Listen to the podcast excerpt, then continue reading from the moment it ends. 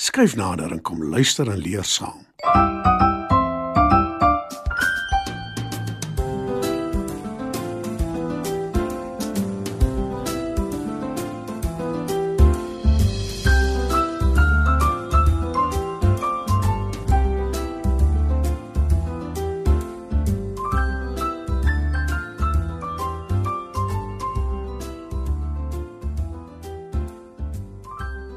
Goeienaand maats. Welkom by nog 'n episode van Opskud. Vanaand se storie is Jan en die boontjie rank.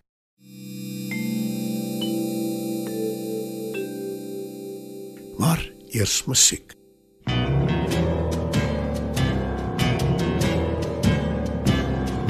Ek is Jan Gaber,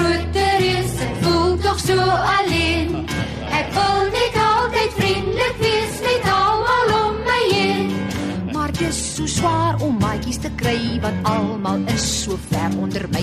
Nou stap ek maar en trap net in my spore. Hy is Jan Gaber, jou groot reus wat tog so graag marcheer. Hy is Jan Gaber, jou groot reus en wil julle almal leer. Maar niemand kan so ver soos ek stap en niemand kan so ver soos ek trap. Nou stap ek maar en trap net in my spore.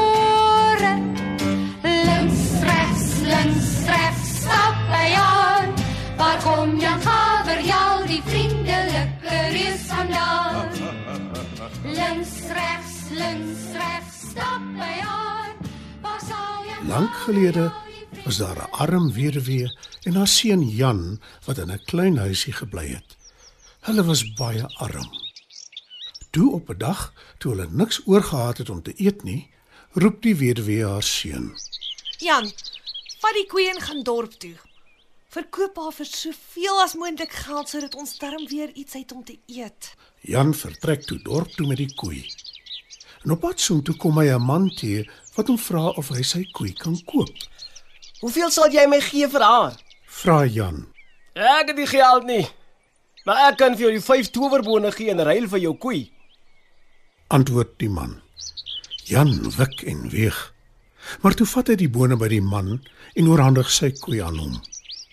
Hy stap terug huis toe, maar toe hy laatmiddag haar aankom en sy ma daarvan vertel, is sy woedend. Jou dom dom seun. Hoe kon jy ons koei, ons laaste besitting weggee vir 'n handvol bone? Raas sy ma. Sy gryp die bone by hom en smyt dit by die venster uit. Gaan klim in jou bed.